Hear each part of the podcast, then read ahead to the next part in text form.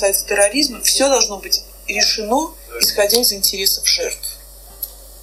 Больше никаких интересов в этот момент не должно быть. Ни интересы государства. Все это потом, после того, как люди будут освобождены. Cześć i czołem. Z tej strony wschodnie zbrodnie, a głos, który usłyszeliście na nagraniu, należał do Anny Politkowskiej. Do tematu zabójstwa wybitnej, niezależnej dziennikarki Anny Politkowskiej zabierałam się już od jakiegoś czasu. Właściwie od kiedy ruszył ten podcast, to koniecznie chciałam przedstawić historię Politkowskiej na tym kanale, ponieważ osobiście uważam, że ta niesamowicie odważna, pracowita i co najważniejsze, nieobojętna wobec losów pokrzywdzonych osób kobieta zginęła w sposób oburzająco niesprawiedliwy. I choć kilka wyroków w tej sprawie zostało ogłoszonych, kilka osób siedzi i jeszcze sobie długo posiedzi za kratami, to osobiście nie mogę, tak samo jak wiele innych osób, uznać sprawy Politkowskiej za zakończoną i zamkniętą. Tym razem znowu będzie szczegółowo i dosyć długo. Natomiast szczegółów będzie więcej nie na temat samego zabójstwa, tylko raczej o bohaterce dzisiejszej historii. O jej pasji, karierze i o tych wszystkich konfliktach, nieporozumieniach i wydarzeniach, które doprowadziły do tragedii, jaką było jej zabójstwo.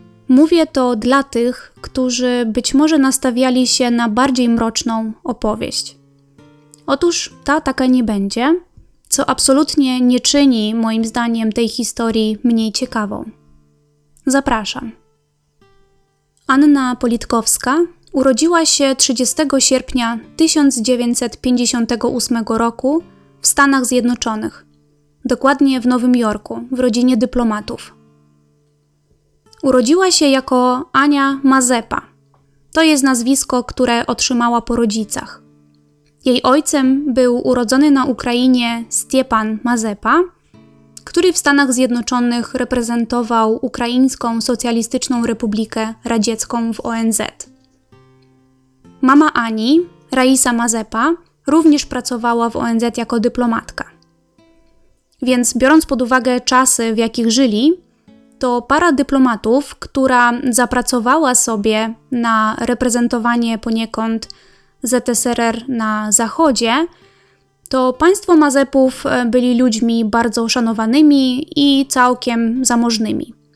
Bo jak wiemy, w ZSRR e, wyjazd za granicę to była rzadkość.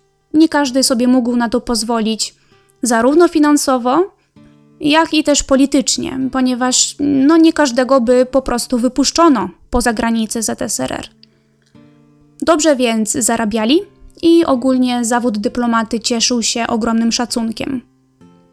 A mówię to po to, żeby nakreślić, w jakim domu przyszła na świat Ania Mazepa. Ania była drugim dzieckiem państwa Mazepów, miała o rok starszą od siebie siostrę Jelenę. Kilka lat po narodzinach Ani, rodzina wróciła do Związku Radzieckiego i zamieszkała w Moskwie. Ponieważ Ania miała w czasie przeprowadzki zaledwie kilka lat, to nic nie pamięta z życia w USA. A ten fakt, że urodziła się za oceanem, traktowała raczej jak taką ciekawostkę z własnej biografii. Rodzina Mazepów zamieszkała w stolicy, w mieszkaniu, które rodzice Ani za swoją pracę dyplomatyczną otrzymali od państwa. Wydaje mi się, że to był blok, w którym wszystkie mieszkania e, zajmowali dyplomaci i osoby związane z Ministerstwem Spraw Zagranicznych. Wtedy się budowało mm, bloki pod e, konkretne grupy zawodowe, między innymi. W wieku 7 lat Ania Mazepa e, poszła do szkoły. I jej lata szkolne można by opisać w ten sposób, że była dumą swoich dobrze wykształconych i szanowanych rodziców, idealną córką, dobrą koleżanką, więc żadnego e, wielkiego zaskoczenia tutaj nie ma. Uczyła się bardzo dobrze, była wręcz e, najlepszą uczennicą w klasie, i bardzo aktywnie brała udział we wszelkich inicjatywach szkolnych i pozaszkolnych. Była pionierką, członkiem szkolnego komitetu komsomolskiego, brała udział w wycieczkach krajoznawczych, pisała artykuły do szkolnej gazety, uczyła się w szkole muzycznej, pomagała kolegom z klasy, więc wszystko, cokolwiek się działo, gdziekolwiek trzeba było pomóc, Ania zawsze była pierwsza chętna do pomocy. Wolny czas Ania lubiła spędzać ze znajomymi na wyprawach pod namiot. Uwielbiała być na przyrodzie i wieczorami e, siedzieć ze znajomymi przy ognisku. Ogólnie lubiła podróżować i zwiedzać nowe miejsca. Kilka razy była na wycieczkach e, w innych miastach e, ZSRR, między innymi w Leningradzie, obecnym Petersburgu, i na te wycieczki wybierała się albo ze swoją siostrą, albo z dwiema najlepszymi przyjaciółkami. Już od czasów podstawówki Ania y, bardzo dużo czytała, nie rozstawała się wręcz y, z książką, lubiła też śpiewać, ponoć miała bardzo ładny głos. No oprócz tego była bardzo inteligentna, bystra, oczytana i też wrażliwa na sztukę. W liceum bardzo zainteresowała się twórczością rosyjskiej poetki Mariny Cwietajewej, E, której wiersze, jak sama mówiła, jakoś tam docierały do najgłębszych zakątków jej duszy. Ogólnie, jeśli są wśród Was miłośnicy poezji, to bardzo e, Cwietajewą polecam. Po ukończeniu szkoły, oczywiście z wyróżnieniem, Ania Mazepa rozpoczęła studia dziennikarskie na Moskiewskim Uniwersytecie Państwowym imienia Łomonosowa. Mm, swoją drogą y, największym i najbardziej znanym w całym kraju. I już będąc na studiach, a dokładnie na pierwszym roku, na jednej z imprez studenckich Ania poznała pierwszą i zarazem ostatnią miłość swojego życia e, Aleksandra Politkowskiego, swojego przyszłego męża. Aleksander studiował ten sam kierunek, e, był na ostatnim roku i też był 5 lat starszy od Ani. Wszyscy, którzy w tamtym okresie znali Anię, jednogłośnie powtarzają, że była to miłość od pierwszego wejrzenia. Para zakochała się w sobie bez pamięci i po dosyć krótkim czasie postanowili się pobrać. Dokładnie w 79 roku. Aleksander Politkowski e, pochodził z niebogatej rodziny i kiedy zjawił się w domu panny młodej, to miał na sobie taką czapkę szoferkę, i y, przyniósł ze sobą butelkę wódki w takiej siatce zakupowej. I wtedy mama Ani, Raisa, to ponoć zbyt zachwycona przyszłym zięciem nie była. Według niej wyglądał na prostaka i jej córka zasługiwała na kogoś lepszego. No ale cóż, mimo to ślub się odbył, a taką anegdotką y, z tego dnia było to, że Aleksander ponoć był tak zestresowany i podekscytowany jednocześnie tym całym ślubem, że przez przypadek urwał rączkę do drzwi Urzędu Stanu Cywilnego, a nowożeńcy zachowali tą rączkę jako taki szczęśliwy talizman i przez długie lata znajdowała się ona gdzieś tam wśród rzeczy e, w ich wspólnym mieszkaniu.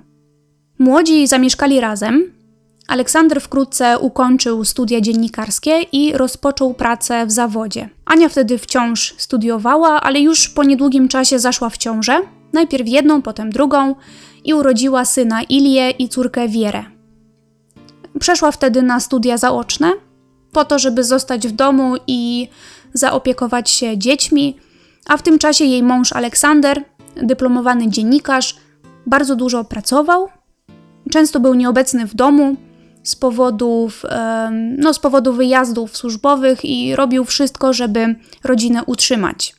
Jeśli chodzi o te wyjazdy męża Ani, to wynikały one głównie z tego, że był reporterem i jednocześnie prowadził wspólnie z e, innym dziennikarzem program w telewizji.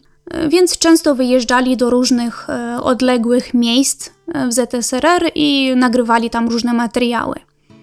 Ten program, z tego co doczytałam, był programem dla młodzieży i poruszane tam były tematy historyczne, kulturalne, czasami coś bardziej rozrywkowego, ale najważniejsze jest to, że mm, program pod koniec lat 80. był ponoć szalenie popularny.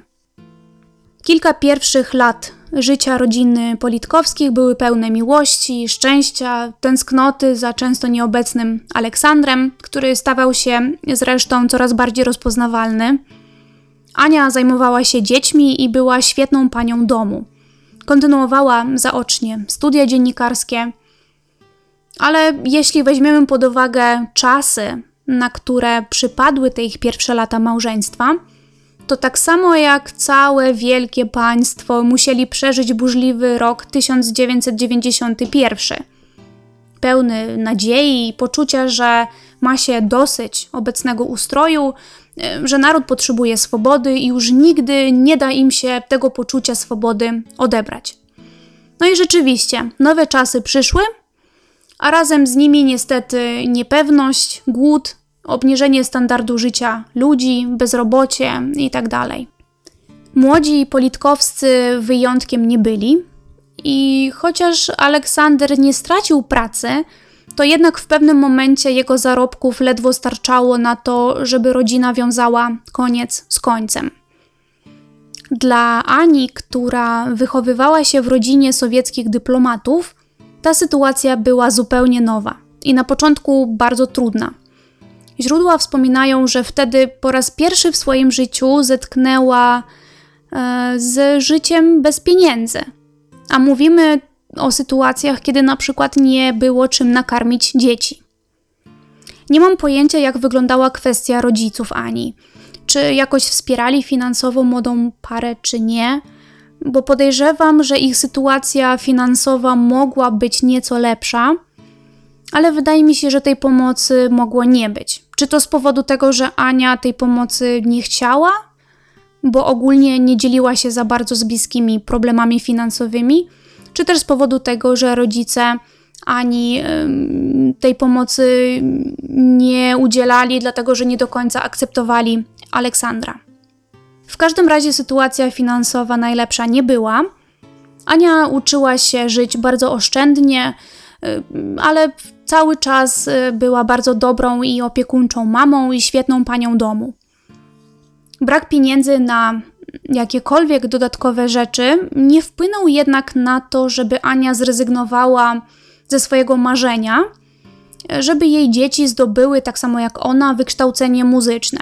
I ponoć już w liceum wspominała swoim y, koleżankom, że na pewno E, jak kiedyś zostanie mamą, to chce dać swoim pociechom możliwość obcowania z muzyką klasyczną i na pewno kiedyś w jej domu będzie stało pianino.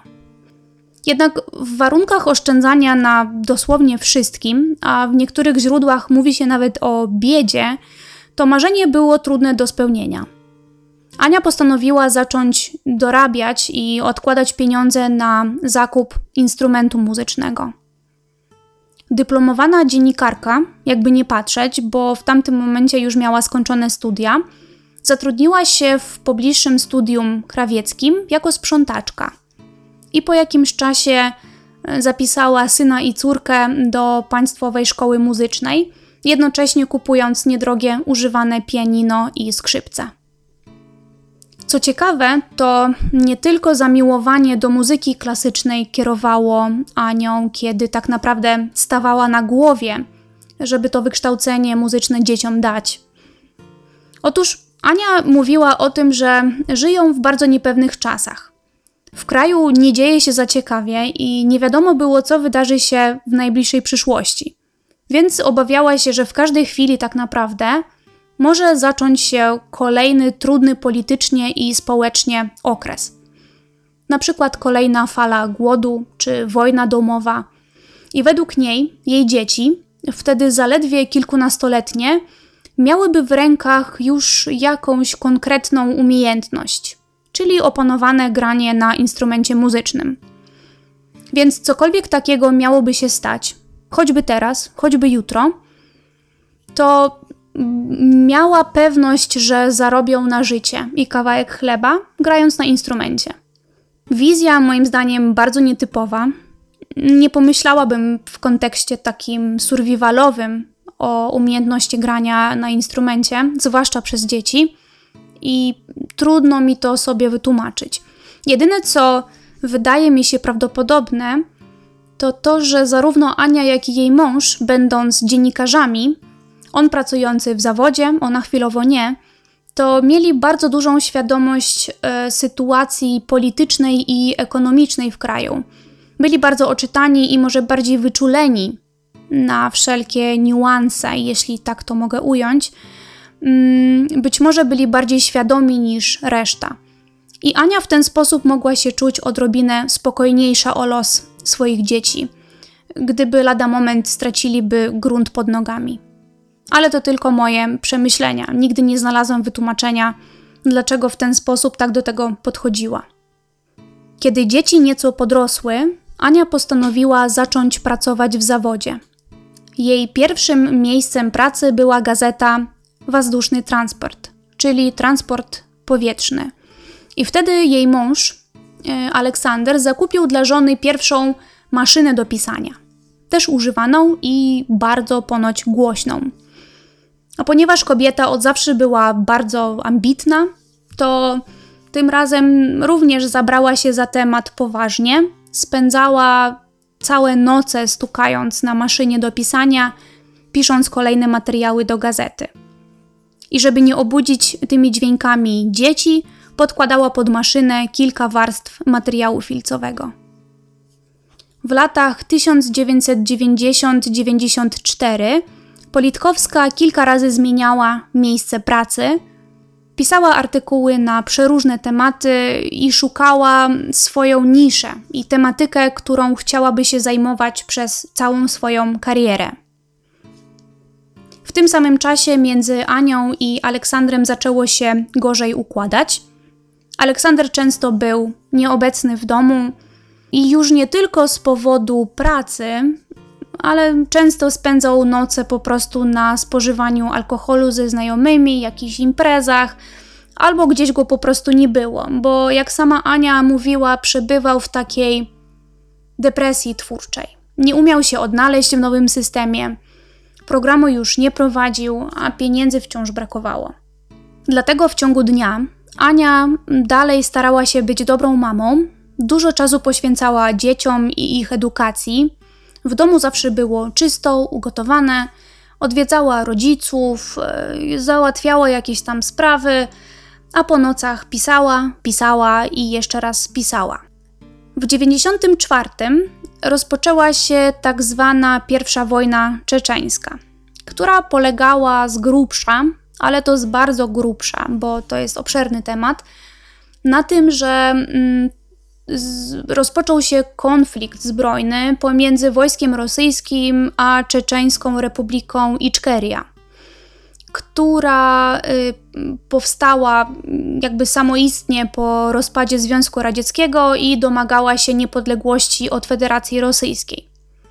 W tym samym roku Anna Politkowska została korespondentką gazety Obsiaja – i wtedy dalej pisała artykuły i reportaże na tematy głównie e, lokalne, społeczne, ale ten temat konfliktu na Kaukazie bardzo ją interesował i jednocześnie niepokoił. Zaczęła go więc zgłębiać. Ponieważ nie była wtedy jeszcze reporterem, to o tym, co działo się na Kaukazie, wiedziała ze słów dziennikarzy, którzy byli na miejscu i opowiadali tak naprawdę straszne rzeczy o tym, że giną cywile, bombardowane są domy mieszkalne, szpitale, przedszkola, że miasto Groźny, stolica Czeczenii, już praktycznie przestaje istnieć. Politkowska, która nie była w stanie z wiadomych powodów pomagać cywilom na miejscu, choć już wtedy bardzo by tego chciała, postanowiła podejść do tematu nieco inaczej i zacząć pomagać uchodźcom którzy uciekali do Rosji z Kaukazu przed wojną. W jaki sposób? Zaczęła pisać artykuły o coraz e, większej mm, niechęci Rosjan do narodów kaukaskich z powodu wojny. Mm, opowiadać w swoich tekstach o cywilach, którzy padali każdego dnia ofiarami bombardowania ze strony awiacji rosyjskiej. Publikowała martyrologia, czyli imiona i nazwiska zabitych w Czeczeniu cywilów, o których niestety milczała telewizja federalna. Od 1999 roku rozpoczyna się tak naprawdę najważniejszy okres w karierze Anny Politkowskiej. Zostaje ona reporterem gazety Nowaja, ale na początku wciąż jeszcze pisze na tematy społeczne i lokalne. Ale w tym samym roku niestety rozpoczyna się też II wojna czeczeńska, która tak naprawdę jest y, kontynuacją tego samego konfliktu. I to sprawia, że do Rosji rusza kolejna wielka fala uchodźców. Politkowska, która już poniekąd y, znała temat od środka, zaczęła wyjeżdżać do miejsc, w których trwały działania wojenne i zaczęła opisywać trwające tam konflikty zbrojne. Rozmawiała z ludźmi, szukała pomocy dla lokalnej społeczności. Biorąc pod uwagę sytuację polityczną w kraju, jej główną destynacją był oczywiście północny Kaukaz, gdzie trwała wcześniej przeze mnie wspominana e, wojna czeczeńska, o której swoją drogą więcej możecie posłuchać w odcinku numer 4 o Nordoście. To, co wyróżniało Anię jako dziennikarkę, to fakt, że nie będąc typową reporterką wojenną, nie skupiała się ona tylko i wyłącznie na opisywaniu tych działań wojennych i związanych z nimi tematów politycznych, tylko bardziej interesowały ją losy ludzi e, mieszkających w rejonach dotkniętych wojną. Tych, którzy ucierpieli w trakcie nalotów bombowych, którzy stracili członków rodziny, pracę czy dobytek życiowy. Ania już od lat młodości nosiła w sobie dosyć mocne poczucie sprawiedliwości. Ale w tym strasznym miejscu ta sprawiedliwość niestety praktycznie nie istniała. Dlatego Ania robiła wszystko, żeby w jakikolwiek sposób tym ludziom pomóc.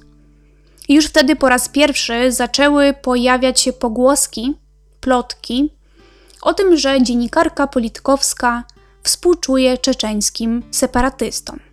Dlaczego tak się działo? Dlatego, że jak być może pamiętacie z odcinka o Nordoście, ówczesny premier Federacji Władimir Putin dosyć otwarcie opowiadał się za wojną w Czeczenii, którą nazywał operacją, która miała na celu przywrócenie porządku konstytucyjnego. I ta wizja była popierana również przez e, większość społeczeństwa. I codziennie też w taki sposób e, ten konflikt przedstawiano w telewizji federalnej. Więc ktokolwiek, kto był przeciwny wojnie w Czeczenii, z automatu sprzeciwiał się poniekąd władzy. I interpretowane to było jako stawanie po stronie separatystów, gdzie niekoniecznie tak to musiało być. Więc e, Ania w swoich tekstach, w odróżnieniu od wielu okazujących się w innych gazetach, nie zajmowała się takim bezmyślnym potępianiem działań czeczeńskich separatystów, jak tego pewnie oczekiwałaby władza, a raczej potępiała konflikt ogólnie. Zwracała uwagę na to, jak bardzo niszczy on cały region, opisywała cierpienie lokalnej społeczności i nawoływała do zaprzestania tych działań wojennych, skupiając się na tym, w jaki sposób tym ludziom e, trzeba i można pomóc. Jej pierwszą taką poważną misją dziennikarską było uratowanie około 100 chorych osób w podeszłym wieku, którzy znajdowali się w domu opieki dla seniorów już w objętym wojną mieście Groźny. Wtedy wojsko rosyjskie e, oficjalnie twierdziło, że w Groźnym już nie ma cywilów. Wszyscy sobie poszli. Więc awiacja mogła sobie rozpocząć e, bombardowanie miasta. A ci biedni seniorzy, nie będąc w stanie samodzielnie opuścić e, miasta, zostali tak naprawdę pozostawieni sami sobie na pewną śmierć. Anna Politkowska rozpoczęła swoją walkę o życie tych ludzi pozostawionych w domu opieki i przemawiała zarówno do jednej, jak i do drugiej strony konfliktu. Za każdym razem narażając własne życie, Trąbiła o tej sytuacji wszędzie, gdzie tylko mogła, zwracała się do wysoko postawionych osób zaangażowanych w ten cały konflikt. Wyzywała i jednych, i drugich od tchórzy. I ostatecznie drobna kobieta osiągnęła swój cel, bo rosyjskie wojsko i czeczeńskie ugrupowania na kilka godzin wstrzymali ogień, żeby dać możliwość pacjentom domu opieki opuścić miasto, nie obawiając się o własne życie. I chciałabym tutaj wspomnieć o takiej jednej rzeczy, bo może się wydawać, że to jest takie dziwne i praktycznie nieosiągalne. Jakaś tam dziennikarka, która w przeszłości pomagała uchodźcom w Moskwie, przyjeżdża do Czeczenii i nagle na kilka godzin e, wstrzymany jest ogień. No nie do końca. Bo Ania była niezwykle aktywna w nawiązywaniu kontaktów po obu stronach. Zjeździła cały Kaukaz wzdłuż i wszerz i umiała w jakiś sposób wzbudzić zaufanie i sprawić, że jej słów się po prostu słuchało. To jest niesamowity talent, który jednocześnie wymaga odwagi, zwłaszcza jeśli weźmie się pod uwagę, że żeby takie znajomości mieć, na przykład wśród y, czeczeńskich bojowników, to rozmawiać trzeba było z, jakby nie patrzeć, bezlitosnymi, radykalnymi ugrupowaniami. E, a członkowie tych ugrupowań y, co chwilę porywali ludzi, torturowali, mordowali. Mm, a Politkowska, mm, uprzedzając pytania, nie miała przy sobie jakiejkolwiek ochrony. Była typową, niezależną dziennikarką, drobną kobietą w okularach, którą z jakiegoś powodu znali i szanowali zarówno Czeczeni, jak i federalne służby bezpieczeństwa Rosji. Od tego momentu Anna Politkowska zrozumiała, że właśnie temu powinna poświęcić życie pomocy ludziom y, na objętym wojnie Kaukazie. Walka, którą dziennikarka toczyła w najgorętszych miejscach objętych II e, wojną czeczeńską, wielokrotnie narażała ją na śmierć. Ale kobieta była nieugięta i nieustraszona.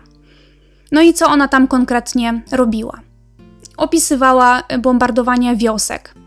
Wtedy, kiedy oficjalnie mówiono, że ataki są skierowane tylko i wyłącznie na miejsca, w których stacjonują separatyści czeczeńscy.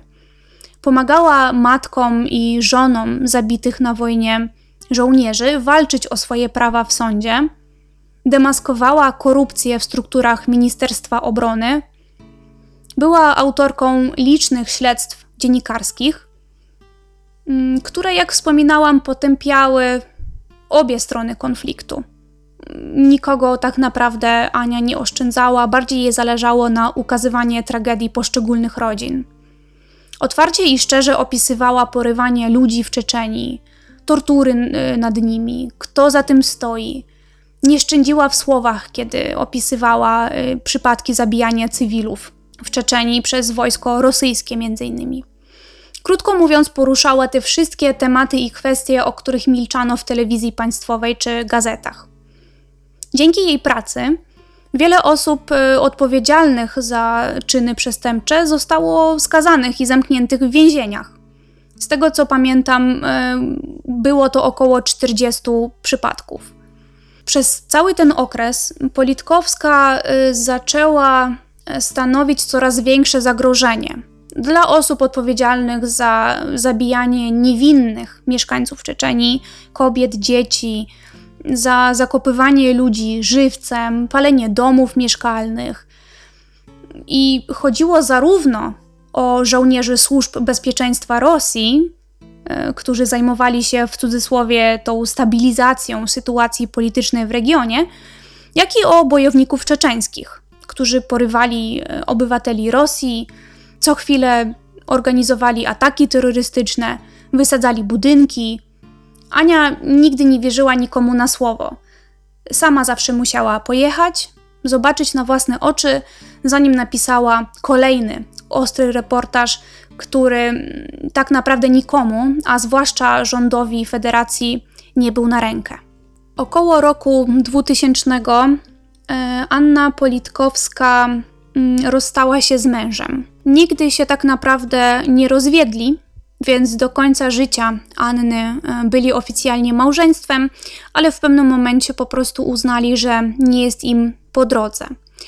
E, więc e, Anna wyprowadziła się Aleksander sobie zamieszkał osobno, utrzymywali cały czas ze sobą kontakt, wspólnie wychowywali dzieci, to znaczy bardziej oczywiście zajmowała się tym Anna, ale Aleksander, z tego co wiem, też brał w tym jakiś tam udział. Więc od tego czasu Ania, można powiedzieć, e, już po prostu całe swoje życie e, poświęcała bardziej pracy. Dzieci były coraz bardziej dorosłe, mm, mieszkała sama e, i zaczyna się też jakby kolejny okres w jej życiu, kiedy już naprawdę cały swój wolny czas poświęca pracy. Dwa lata później, w 2002 roku w Stanach Zjednoczonych, Anna otrzymała międzynarodową nagrodę za swoją działalność dziennikarską, która dotyczyła tematu wojen czeczeńskich. Nagroda miała y, tytuł, nazwę y, Courage in Journalism odwaga w dziennikarstwie i pozwolę sobie tutaj zacytować fragment jej przemowy. Mam szczęście być pierwszą dziennikarką rosyjską, której przyznano tę nagrodę. To naprawdę wielki zaszczyt. Zwłaszcza, że u siebie, w Rosji, za swoją pracę i opisywanie wydarzeń II wojny czeczeńskiej, zamiast róż dostaje na razie same kolce. Uważa się, że dlatego dziennikarze jadą w miejsca ogarnięte wojną i piszą o niej, że ludzie i świat chcą o tym wiedzieć chcą czytać o tym wiadomości, ale w Rosji wszystko dzieje się inaczej. Ludzie nie chcą znać żadnej prawdy o wojnie, mimo że trwa ona już 4 lata. W tych warunkach odwaga dziennikarska, tak jak ja ją rozumiem, polega na tym, żeby nawet wbrew życzeniom ludzi taką informację im dawać. Nawet jeżeli trzeba się narazić na pewne ryzyko, to jest normalne, to część naszej pracy. Jeśli dziennikarz jest zmęczony i nie chce już ryzykować, najwyższa pora, by odszedł. Jeśli o mnie chodzi, to nie jestem jeszcze zmęczona. Po otrzymaniu tej niezwykle ważnej, prestiżowej międzynarodowej nagrody, Anna planowała spędzić jakiś czas w Los Angeles i co nieco odpocząć. Od wojny, wybuchów, niechęci i ludzkiego cierpienia, którego świadkiem była praktycznie codziennie. Ale niestety nie było jej to dane, bo nagle w nocy otrzymała telefon z Moskwy z wiadomością, że terroryści czeczeńscy zaatakowali teatr na Dubrowce i trzymają w środku około tysiąca zakładników.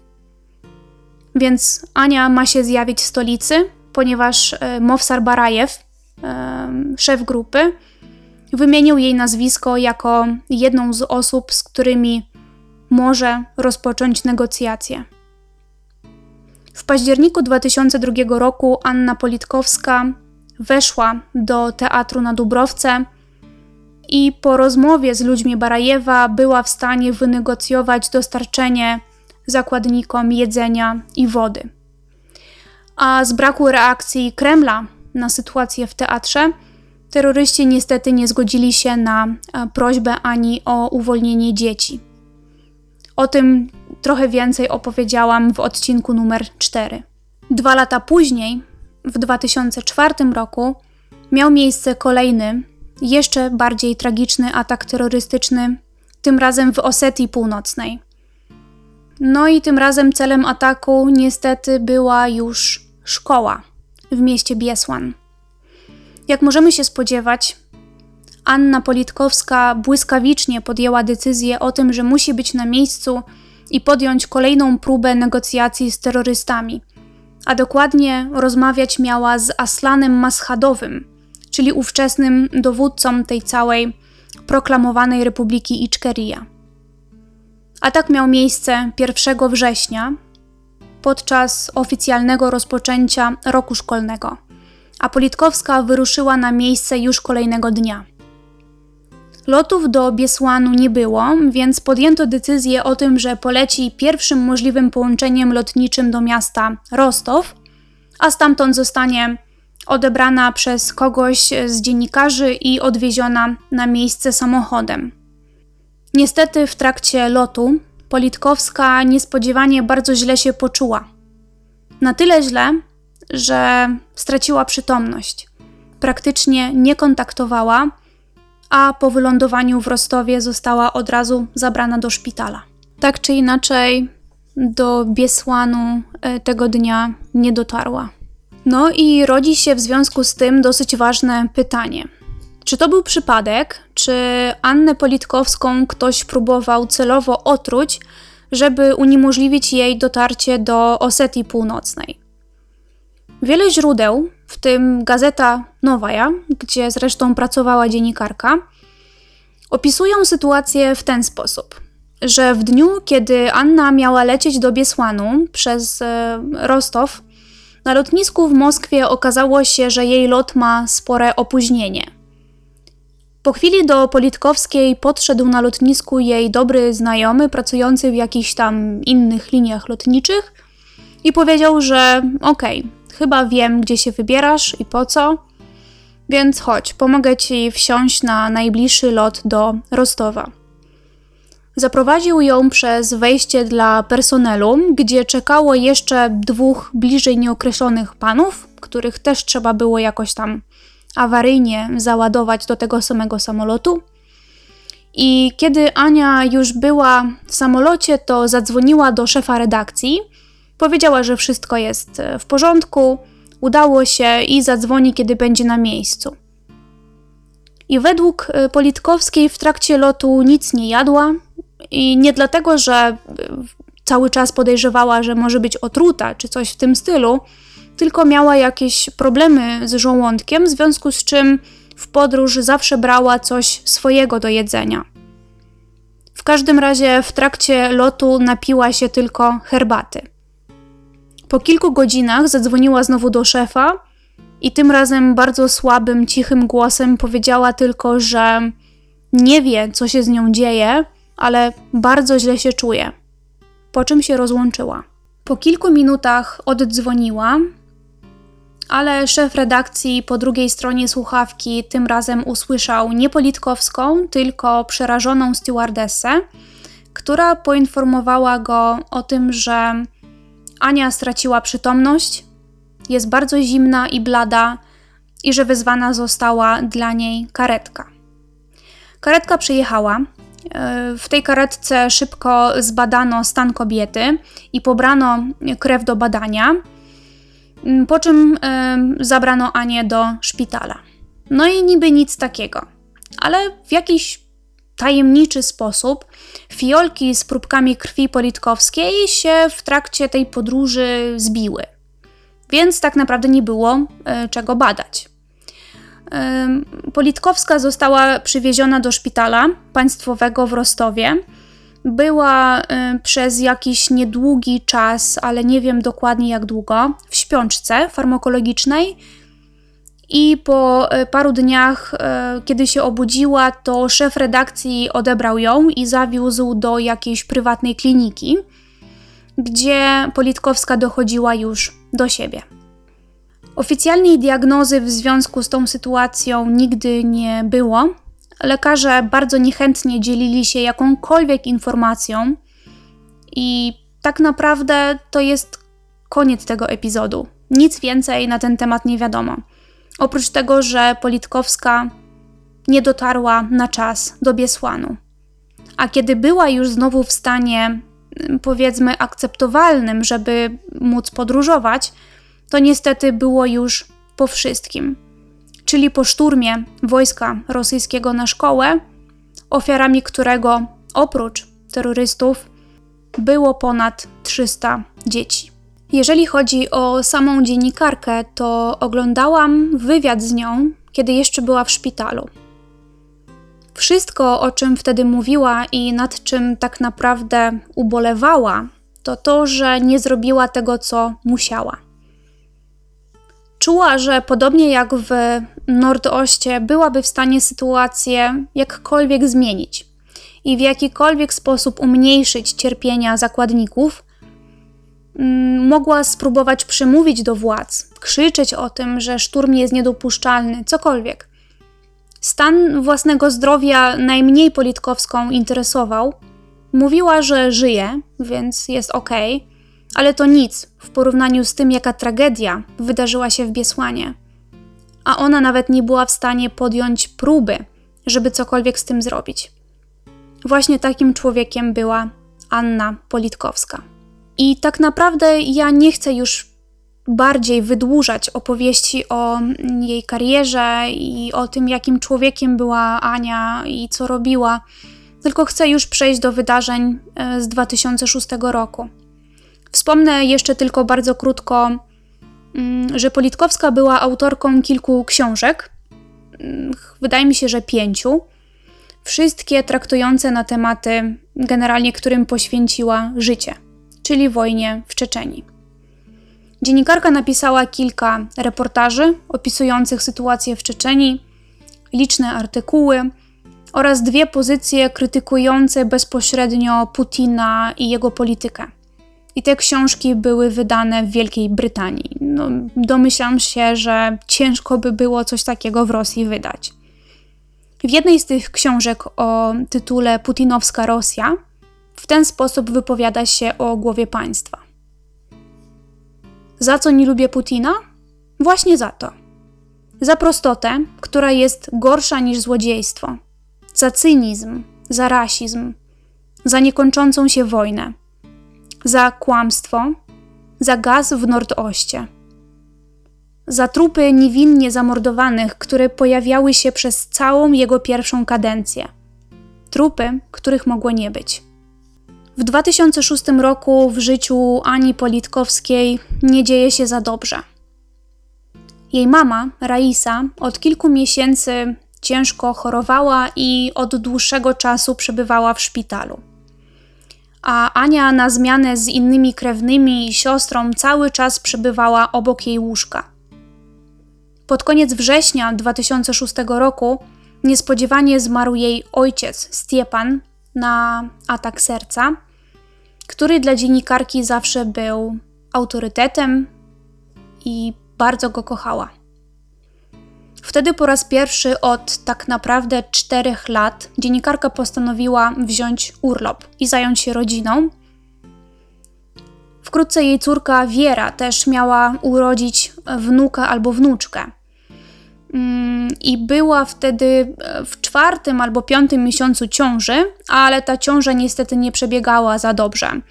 E, więc Wiera też co jakiś czas lądowała w szpitalu i Politkowska e, postanowiła na chwilę naprawdę odciąć się od spraw dziennikarskich i poświęcić czas sobie, córce, mamie, zorganizować pogrzeb ojca itd. Tak Planowała zrobić też remont w mieszkaniu, no i ogólnie trochę odpocząć.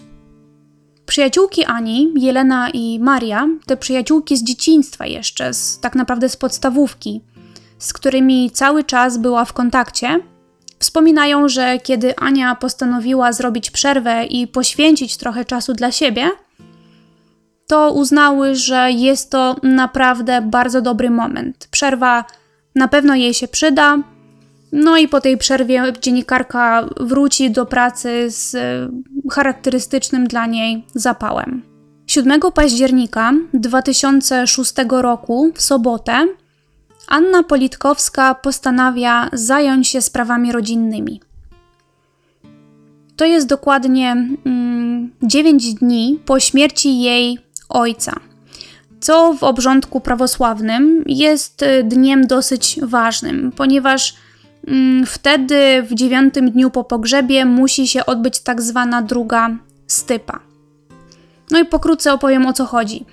Pierwsza stypa jest w trzecim dniu po śmierci, druga w dziewiątym, trzecia w czterdziestym. Według wiary prawosławnej, między trzecim a dziewiątym dniem po śmierci, dusza zmarłego zwiedza niebo, a potem w dziewiątym dniu spotyka się z Bogiem, po czym aż do dnia 40 zwiedza piekło i patrzy na cierpienia grzeszników.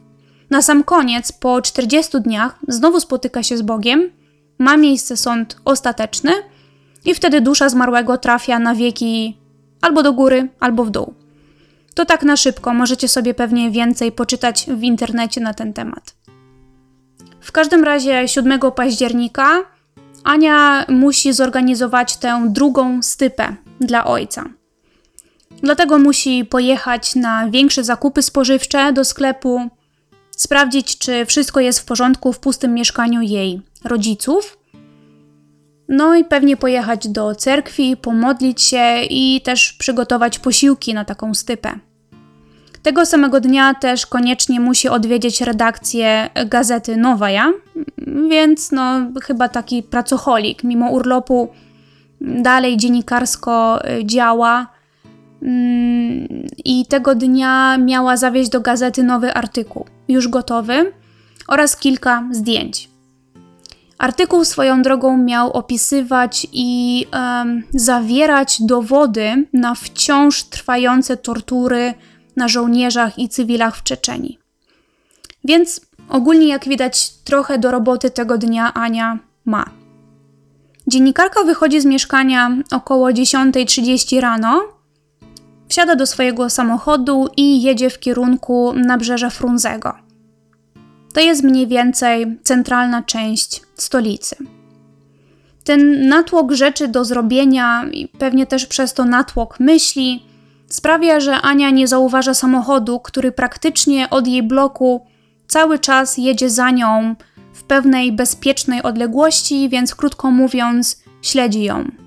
Około godziny 15 tego samego dnia Ania załadowuje zakupy do swojego auta i wyrusza w drogę do domu. W drodze powrotnej odbiera telefon od redaktora portalu internetowego Kaukaski Węzeł, z którym współpracowała już od kilku lat.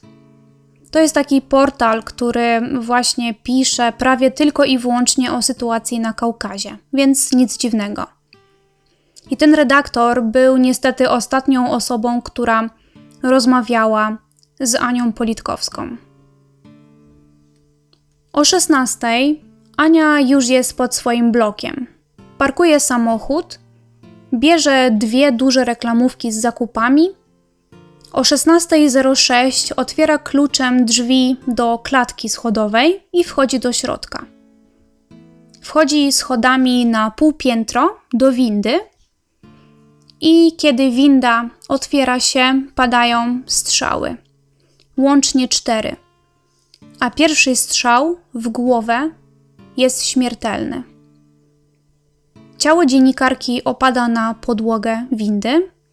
Do środka Zabójca wrzuca też do windy pistolet Makarowa i spokojnym krokiem wychodzi z klatki. Niestety, w taki właśnie sposób zakończyło się życie wybitnej dziennikarki Anny Politkowskiej. W windzie, na własnej klatce schodowej, w bloku, w którym mieszkała już od kilku lat, i zaledwie kilka pięter dzieliło ją od własnego mieszkania. I do tego wszystkiego w biały dzień. Co działo się dalej? Ciało Ani znalazła jej sąsiadka, która weszła do bloku i w windzie zobaczyła ciało dziennikarki. Na miejsce od razu wezwana została milicja, która to ciało zobaczyła i Politkowska na pierwszy rzut oka Siedziała na podłodze w rogu windy oparta plecami o ścianę i wydawać by się mogło, że kobieta po prostu zasłabła, zemdlała, ale żyje. Takie wrażenie sprawiała pozycja, w której się znajdowała. Jednak już po chwili można było zobaczyć sporą kałużę krwi i rany postrzałowe na ciele dziennikarki. Kobieta, jak wspominałam, otrzymała cztery strzały, z czego trzy w klatkę piersiową, jeden e, w głowę. Zmarła prawdopodobnie już po pierwszym strzale. Reszta mogła być wykonana, żeby się upewnić, że kobieta nie żyje.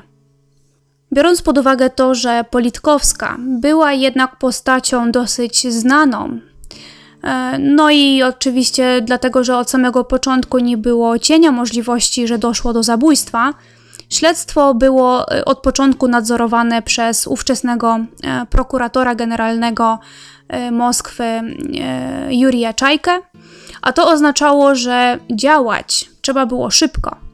Zaangażować jak najwięcej ludzi i sprawcę lub sprawców jak najszybciej ująć. A wersją śledztwa, która została podana do wiadomości publicznej, było zabójstwo związane z działalnością dziennikarską Anny Politkowskiej. Powiem od razu, że śledztwo nie trwało specjalnie długo.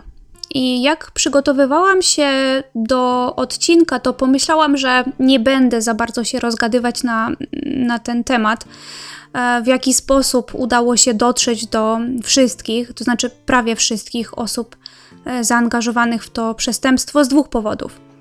Po pierwsze, źródła albo wspominają o tym bardzo ogólnie, albo podają sprzeczne ze sobą informacje, albo nie mówią o tym w ogóle, a ja nie chciałabym e, podawać tutaj informacji niepotwierdzonych. A po drugie, nie zgłębiam tematu złapania sprawców, dlatego że dużo ważniejsze rzeczy dzieją się już po, czyli w trakcie procesu, który właśnie chciałabym bardziej szczegółowo opisać. Powiem tylko, że mm, do złapania sprawców przyczyniły się tak naprawdę nagrania z monitoringu. I te, to znaczy chodzi o kamery w pobliżu miejsca zamieszkania Anny Politkowskiej i miejsca, w których była przez ostatnie e, tak naprawdę tygodnie, bo to śledzenie jej trwało tak naprawdę już od początku e, września. No i tak naprawdę to E, pomogło tych e, sprawców złapać. W każdym razie 29 sierpnia 2007 roku, czyli rok po zabójstwie Politkowskiej, prokurator generalny Federacji Rosyjskiej ogłosił, że sprawa zabójstwa dziennikarki została rozwiązana. Szybciutko. Odpowiedzialni za przestępstwo zostali zatrzymani, E, mówimy tutaj łącznie o 11 osobach i za chwilę o nich opowiem. Ponieważ będzie sporo imion i pewnie łatwo będzie się w tym pogubić, to do filmiku na YouTube wrzucam taką ściągę. Więc jeżeli słuchacie y, odcinka jako podcast, to możecie sobie później na to zerknąć. A więc y, y, z kim mamy tutaj do czynienia i jaka jest pierwsza wersja śledczych? Nieznany zleceniodawca e, zleca zabójstwo Politkowskiej Mahomedowi Dilmehanowowi, który z kolei przekazuje zlecenie braciom Mahmudowym. To jest trzech braci, Tamerlan, Jabrail i Ibrahim, a razem cała czwórka tworzą tak zwane ugrupowanie ałazańskie. To jest nazwa grupy przestępczej, do której wszyscy należą, przy tym ten pierwszy Dilmehanow jest jednym z jej przywódców. W celu znalezienia Politkowskiej, czyli ustalenia jej adresu, Dilmechanow zwraca się do Siergieja Hadży Kurbanowa, byłego członka biura do walki z przestępczością zorganizowaną, tak, dobrze słyszycie, e, który wcześniej swoją drogą był zaangażowany w rozpracowanie ugrupowania ałazańskiego. Przepraszam, to jest naprawdę niedorzeczne. A więc ten Hadży Kurbanow e, kontaktuje Dilmechanowa e, z kolejnym panem, Siergiejem Raguzowym, który jest członkiem federalnych służb specjalnych. Po ustaleniu adresu Politkowskiej, ugrupowanie ałazańskie organizuje śledzenie dziennikarki. A pomoc w tym mieli Dmitrij Lebiediew, Dmitrij Graczew oraz Oleg Jakimow z Wydziału Spraw Wewnętrznych. Y, oraz z pomocą byłego milicjanta o nazwisku Bierkin. Czyli mamy taką sporą grupę tych zatrzymanych, y, z czego spora grupa stanowi tak naprawdę y, mniej lub bardziej stróżów prawa. Ale bardzo szybko śledztwo skorygowało tą swoją pierwszą wersję, po czym większość z zatrzymanych została zwolniona z aresztu czyli Bierkin, Alimow, y, ten y, Graczew, Dilmechanow i Tamerlan Mahmudow. Cała reszta y, zostaje w areszcie i w listopadzie 2008 roku rozpoczyna się proces w sprawie zabójstwa dziennikarki Anny Politkowskiej z udziałem ławników. I tutaj też dzieją się jakieś naprawdę przedziwne rzeczy, bo najpierw sędzia ogłasza proces jako zamknięty, ale presja e, społeczności jest na tyle duża, e, że zmienia swoją decyzję, postanawia jednak wpuścić media do sali sądowej, przesuwając tym samym termin rozprawy, a potem w dniu rozprawy nagle znowu zamyka proces i wyprasza dziennikarzy z sali sądowej. Cyrki, krótko mówiąc. No i co tam się działo? Tak naprawdę nie wiadomo. Proces zamknięty i trwał ten proces aż do lutego 2009 roku. Ale mimo wszystko znamy wynik tej rozprawy. Ławnicy wydali wyrok uniewinniający dla wszystkich podejrzanych w sprawie z powodu niewystarczających dowodów. Więc wszyscy, co do jednego, wyszli sobie na wolność. Natomiast e, już za chwilę, tak naprawdę w tym samym miesiącu, prokuratura generalna Federacji Rosyjskiej złożyła apelację do Sądu Najwyższego, w związku z czym sprawa e, miała trafić z powrotem do sądu e, i proces miał odbyć się ponownie. Całe szczęście.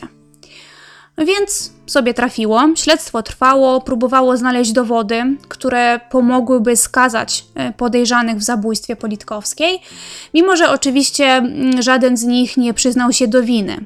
To trzeba o tym e, wspomnieć. A w 2011 roku e, do listy podejrzanych dołączyło jeszcze dwóch panów. Pierwszy z nich to jest bezpośredni wykonawca zabójstwa, czyli osoba, która strzelała do Politkowskiej. I wcześniej ta osoba e, nie była zatrzymana, i był to czwarty z braci Mahmudowych o imieniu Rustam. Czy on się przyznał do winy? Oczywiście, że nie. E, po zabójstwie Politkowskiej e, ukrywał się gdzieś tam na Kaukazie, ale na szczęście udało e, się go złapać. Mm, do Mahmudowa dołączył też taki pan Dmitrij Pawluczenkow, który na pierwszym procesie tak naprawdę odgrywał rolę tajnego świadka oskarżenia. Nikt nie wiedział, że on tak naprawdę bierze udział w rozprawie. Zeznania, które składał, też były tajne, składał je poza salą sądową. nie wiem, szczerze powiedziawszy, jak to do końca działa. Ale w 2011 roku prokuratura y, złożyła akt oskarżenia również wobec niego. A kim był ten pan Pawluczenkow? A zgadnijcie. Był on podpułkownikiem milicji w stanie spoczynku. Y, tego też nie skomentuję, jeżeli pozwolicie. Y, a, no, przepraszam, jeszcze był trzeci pan, który dołączył do e, listy oskarżonych. I był to taki e, przedsiębiorca z Czeczenii, Lom Ali Gajtukajew, który też wtedy usłyszał akt oskarżenia. No i słuchajcie, o tym, co działo się na procesie, można tak naprawdę mówić w nieskończoność. Naprawdę. Tam działo się wszystko. Ławnicy rezygnowali, odchodzili, trzeba było wybierać nowych, świadkowie zeznawali, potem wycofywali swoje zeznania. Obrona żądała zmiany sędzi i tak dalej. Musielibyśmy naprawdę tego podcastu słuchać pewnie ze dwa dni. Y, więc przejdę do wersji ostatecznej i wyroków. Lom Ali Gajtukajew E, dziany przedsiębiorca z Czeczenii był organizatorem zabójstwa Anny Politkowskiej na zlecenie e, nieznanego e, zleceniodawcy. Zebrał on grupę osób, w skład której wchodził były milicjant Pawluczenkow, bracia Mahmudowowie, Siergiej Hadży-Kurbanow i cała reszta. Pawluczenkow który jako jedyny z całej grupy przyznał się do winy, ale nie z jakichś pięknych pobudek, tylko dlatego, że zawarł umowę z oskarżeniem po to, żeby otrzymać niższy wyrok. E, to właśnie powiedział, że za zabójstwo Anny otrzymali od e, zleceniodawcy 150 tysięcy dolarów. No i ten sam pan Pawluczenkow potwierdził również, że wykonawcą był Rustam Mahmudow. No i jakie z tego tytułu były wyroki? Otóż organizator i wykonawca, czyli przedsiębiorca Gajtukajew i wykonawca e, Rustam Mahmudow otrzymali wyroki dożywocia. Ibrahim i Jabrail Mahmudowowie otrzymali wyroki odpowiednio 12 i 14 lat. E, Hadży Kurbanow otrzymał wyrok 20 lat, a Pawluczenkow tylko 11 lat, oczywiście ze względu na współpracę e, ze śledczymi i stroną oskarżenia. Na tym proces się skończył. prokuratura uznała sprawę za zamkniętą, niestety pomijając bardzo ważny fakt.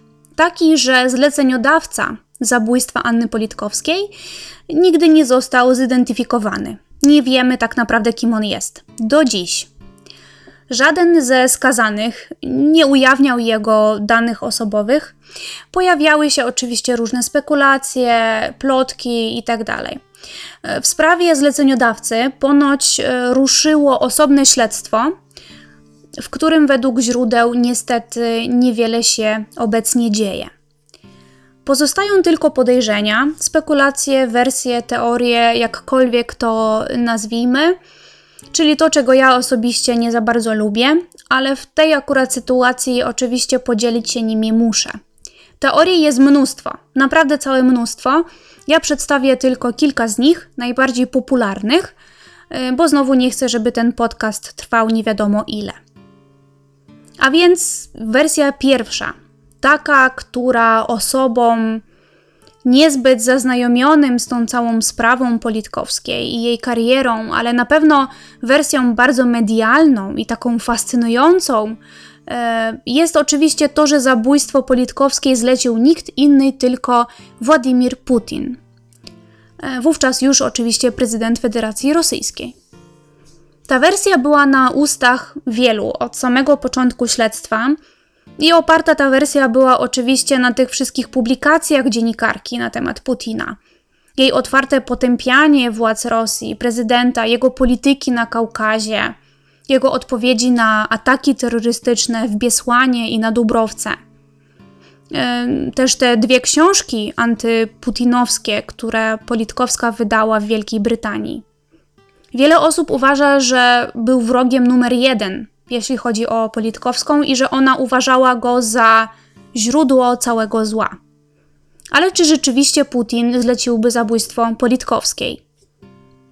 Trzeba popatrzeć na to, czy Politkowska w jakikolwiek sposób zagrażała Putinowi, jego polityce i czy była w stanie naprawdę wywołać jakieś większe nastroje antyrządowe swoimi publikacjami. Według ekspertów odpowiedź brzmi nie. I to z wielu powodów. Po pierwsze, Nowa Gazeta, gdzie pisała e, i publikowała swoje materiały Politkowska, czytana była przez e, półtorej osoby. Oczywiście wyolbrzymiam, ale fakt jest taki, że to raczej niszowy periodyk. Większość Rosjan nie zna w ogóle tej gazety. A głównym medium, które dociera do większości ludzi, jest telewizja państwowa. Coś o tym wiemy. A tam oczywiście polityka Putina była bardzo chwalona i jak wspominałam przy odcinku o Nordoście Putin zyskał duże poparcie, kiedy zadecydował o wprowadzeniu wojska rosyjskiego na tereny Czeczenii. Natomiast ciekawym zbiegiem okoliczności jest to, że Politkowska została zabita w dniu urodzin Putina. I wiele osób na tym opiera tą teorię, że to miał być taki prezent urodzinowy dla prezydenta. No, Ciekawa jest to teoria, wręcz trochę spiskowa, i można tutaj szeptem mówić: Ej, przypadek? Nie sądzę. Ale myślę, że rozsądniej będzie jednak patrzeć na sytuację szerzej. Putin nie zyskałby na śmierci Politkowskiej e, nic praktycznie, a wręcz e, ta śmierć, jak sam zresztą powiedział, ma większy negatywny wpływ na sytuację polityczną w kraju niż same jej teksty. Czyli to, że te spekulacje odnośnie jego jakiegokolwiek, powiedzmy, zaangażowania w jej śmierć, mm, no, bardziej mu szkodzą tak naprawdę niż, niż nawet te książki, które ona wydała. Teoria druga. Jeśli nie prezydent Rosji, to może ktoś z wierchuszki e, w Czeczenii. I chodzi tutaj o Ramzana Kadyrowa, młodego premiera Republiki Czeczeńskiej, który obecnie jest jej prezydentem. I Ramzan Kadyrow jest uważany za e, wroga Politkowskiej numer dwa. Albo czasami można by tutaj spekulować, czy to Putin jest numer jeden, czy Kadyrow numer jeden. Mniejsza z tym. To swoją drogą też y, jest dosyć ciekawa, jeśli można tak nazwać, postać, bo najpierw był takim bojownikiem, który walczył po stronie separatystów razem ze swoim ojcem, ale podczas II wojny czeczeńskiej nagle razem przeszli na stronę federalnych służb rosyjskich. I tak naprawdę zaczęli zabijać tych, z którymi tę walkę rozpoczynali. I tutaj nie opowiadam się za ani jedną, ani drugą stroną, ale chyba nazywa się to zdrada. Mniejsza z tym, ale w związku z tym przejściem na stronę federałów, e, Ramzan i jego ojciec zyskali mm, przychylność dowódców wojska rosyjskiego, a potem i samego Kremla, co skutkowało tym, że e, na moment dziennikarskiej aktywności politkowskiej Ramzan Kadyrow już pełnił funkcję premiera Czeczenii. Politkowska nazywała go tchórzem, pisała o torturach, jakich ludzie Kadyrowa dopuszczają się na żołnierzach i cywilach, o porwaniach ludzi e, na zlecenie Kadyrowa i wielu, wielu naprawdę innych e, strasznych rzeczach. Swoją drogą w dzień morderstwa Politkowska miała e, odwiedzić, jeśli pamiętacie, redakcję nowej gazety, żeby dostarczyć materiał oraz zdjęcia o wciąż trwających w Czeczeni torturach na ludziach i dowody na to, że to wszystko działo się za przyzwoleniem Kadyrowa. Czy ta teoria ma sens? Może i ma. Wiele osób do dzisiaj uważa, że Kadyrow stoi za zleceniem zabójstwa dziennikarki, chociaż sam po tych wydarzeniach publicznie potępił to przestępstwo i powiedział, że mimo że nigdy nie zgadzał się z opinią Politkowskiej co do sytuacji w Czeczeni, to jej publikacje mimo wszystko miały na celu przede wszystkim pomoc ludziom. Teoria trzecia. To oczywiście zlecenie z Zachodu, najprawdopodobniej ze Stanów Zjednoczonych, co miałoby na celu osłabienie pozycji Putina przed kolejnymi wyborami i tego typu rzeczy. Ja nie mam na ten temat zbyt dużo do powiedzenia, czy to byłoby do zrealizowania? Na pewno by było. Ale czy faktycznie osłabiłoby to pozycję Putina w Rosji po tych dwóch wojnach czeczeńskich? Może niekoniecznie. Ale no, tą teorię chyba w tym miejscu po prostu zostawmy. Teoria czwarta. Czyli teoria, która nie wydaje mi się jakoś specjalnie nieprawdopodobna. Według niej zlecić zabójstwo mógł ktoś z wysoko postawionych członków federalnych służb bezpieczeństwa, czy milicji, czy Wydziału Spraw Wewnętrznych, w każdym razie kogoś, o kim Ania pisała, przyłapywała na korupcji, ujawniała fakty popełniania przez nich przestępstw, bo nie wiem, czy wspominałam wcześniej, ale dzięki materiałom Politkowskiej śledczym udało się wszcząć 40 postępowań karnych wobec osób związanych z bezpieczeństwem wewnętrznym Rosji. Więc mogła to być zwyczajnie zemsta za utratę majątku lub wolności. Teoria piąta też nie jest taka głupia, choć mam co do niej pewne zastrzeżenia. Ta teoria mówi o tym, że zabójstwo mogło być E, taką inicjatywą oddolną jakiegoś fanatyka, jednej z osób, o której Politkowska pisała niezbyt pochlebne artykuły. Przykład jest taki, że powiedzmy, no taki Ramzan Kadyrow, który nawet nie myślał sobie o zleceniu zabójstwa Politkowskiej, po jej kolejnym ostrym reportażu wypowiada się na jej temat ostro i mówi, że jest ona wrogiem Republiki Czeczeńskiej. Y, swoją drogą nie zmyślam, bo y, kiedyś tak rzeczywiście było i tak o niej powiedział. Więc jako reakcja na jego słowa, jakiś fanatyk, psychofan, e, interpretuje jego słowa jako dosłownie zaproszenie do działania i zabija Politkowską. Czy to jest możliwe? No jest to możliwe. Ale jak to się ma do prawomocnych wyroków? Mm, czy te wszystkie osoby, które zostały skazane, mm, ten, no, nie, nie przyznali się niby do winy, ale jednak siedzą, no jest to duży znak zapytania. Więc tak naprawdę to są wszystkie teorie, które miałam do przedstawienia. Jest ich tak naprawdę więcej. Między innymi na przykład istnieje e, teoria e, mówiąca o tym, że zabójstwo Politkowskiej było na tle nacjonalistycznym, I ta teoria polega na tym, że istnieje taka lista e, tak zwanych wrogów e, narodu rosyjskiego i rosyjskiej państwowości, i Politkowska na tej liście gdzieś tam była. A ta lista swoją drogą to nie jest wymysł jakichś tam nacjonalistów, tylko ta lista była opublikowana w marcu 2006 roku przez posła partii liberalno-demokratycznej, więc jest to poniekąd dokument e, oficjalny. Przepraszam, że trochę się podśmiechuję. E, więc no, Politkowska miała się na tej liście znaleźć między innymi dlatego, że e, była, jeszcze raz podkreślam, niesłusznie uznawana za osobę, która stawała po stronie separatystów czeczeńskich no, nigdy jej o to nie chodziło, tylko chodziło jej o załagodzenie konfliktu i pomoc e, w tym wszystkim e, cywilom. Jakąkolwiek teorię byśmy nie wzięli pod uwagę, e, w dalszym ciągu do dzisiaj zleceniodawca zabójstwa Politkowskiej nie jest znany, dlatego wspominałam na początku odcinka, nie mogę uznać tę sprawę za zamkniętą, ale jakąkolwiek teorię byśmy nie wzięli za taką główną czy przewodnią, chyba najważniejszym pytaniem jest, za co została ona tak naprawdę zastrzelona.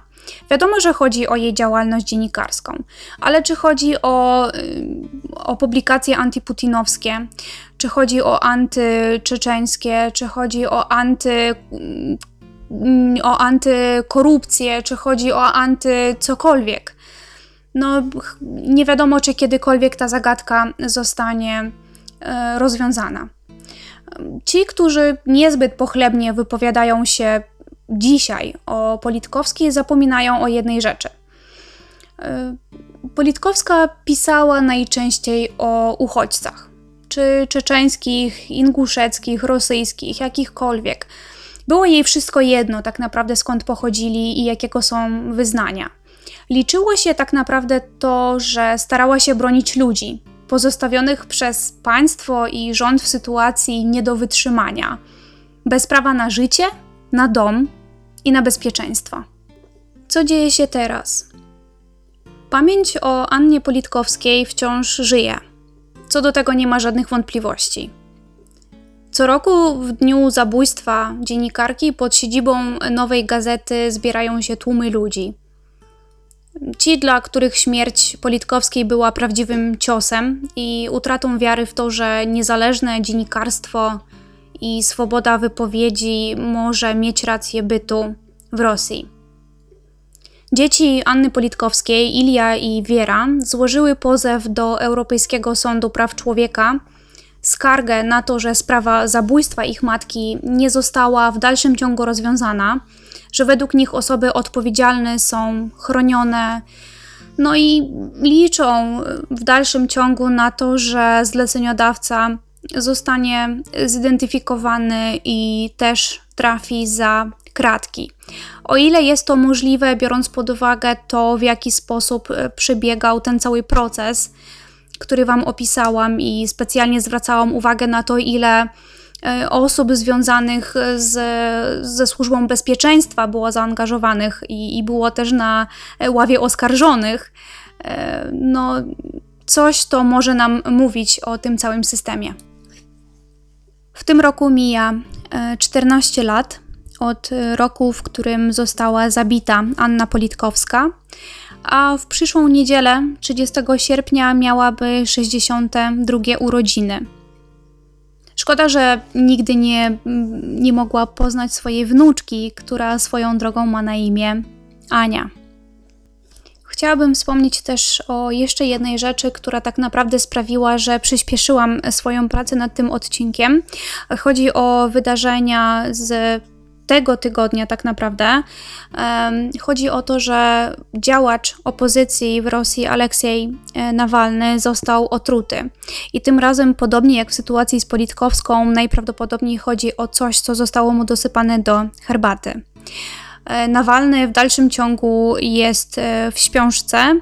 Mam nadzieję, że uda mu się wyjść z tego, ale w związku z jego sytuacją i z tym, jak bardzo jest ona podobna do sytuacji politkowskiej, zrobiłam bardzo krótki research, który tak naprawdę dotyczy tylko i wyłącznie gazety, w której, e, do której pisała e, Politkowska.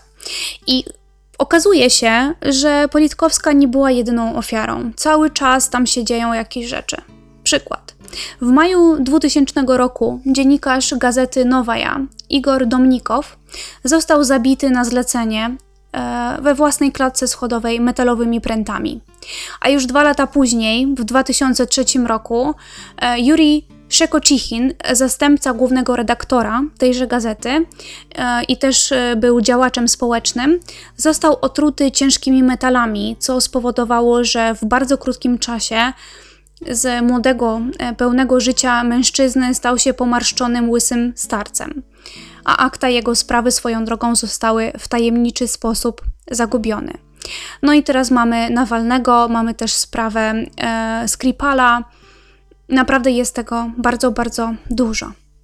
No i co mogę powiedzieć? Smutny to jest zakończenie dzisiejszego odcinka. Nie dość, że historia Anny Politkowskiej jest tragiczna sama w sobie, to historia w dalszym ciągu niestety pokazuje, że w Rosji praktycznie nie ma miejsca na działalność ludzi dążących do prawdy, niezależnych, nieustraszonych, a wciąż istnieją tematy, których, jak to powiedział główny redaktor gazety Nowaja, dotykać nie wolno, bo inaczej cię zabiją. Na pewno istnieją tacy dziennikarze, którzy wybrali ścieżkę e, podążania za głównym nurtem, wybrali pójście bezpieczną ścieżką i informacje, jakimi dzielą się z narodem, tworzone są pod wszechwidzącym, kontrolującym okiem władz. E, są zapewne też tacy, którzy znają i widzą prawdę, ale nie chcą się wychylać i narażać. Być może boją się o siebie, może o bliskich, więc decydują się, no, po prostu nie wychylać. No i cóż, są tacy jak Politkowska, którzy mimo świadomości zagrożeń, jakie niesie zawód niezależnego dziennikarza, mimo gruźb i strachu, bo przecież nikt nie twierdzi, że się nie boją, wszyscy są ludźmi, to jednak najważniejsze dla nich jest poczucie misji i szkoda, że w XXI wieku, kiedy w większości krajów na świecie panuje już demokracja, istnieją takie instytucje jak ONZ, Europejska Komisja Praw Człowieka i wiele innych, to na co dzień dzieją się takie tragedie, a w dodatku osoby odpowiedzialne są w stanie ukryć się za pomocą swoich pieniędzy, znajomości czy pozycji. Bardzo to był wyczerpujący dla mnie odcinek. Być może odbiega od typowych historii kryminalnych, bo dużo poruszyłam tutaj aspektów historycznych, społecznych, politycznych, ale jednak bardzo chciałam, żeby na moim kanale wylądowała opracowana szczegółowo historia Anny Politkowskiej, która jakby nie patrzeć, niestety dużo wątków kryminalnych zawiera, ale zasługuje na rozgłos i pamięć. Dziękuję wszystkim, którzy dotrwali do końca.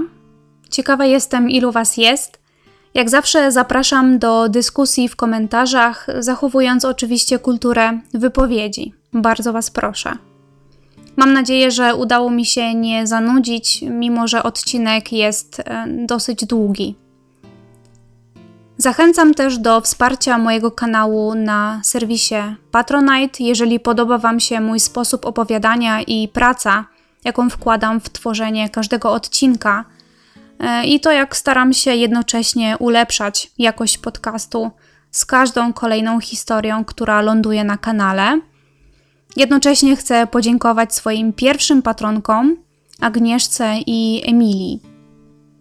Mam nadzieję, że słyszymy się niedługo. Do usłyszenia. До скорых встреч.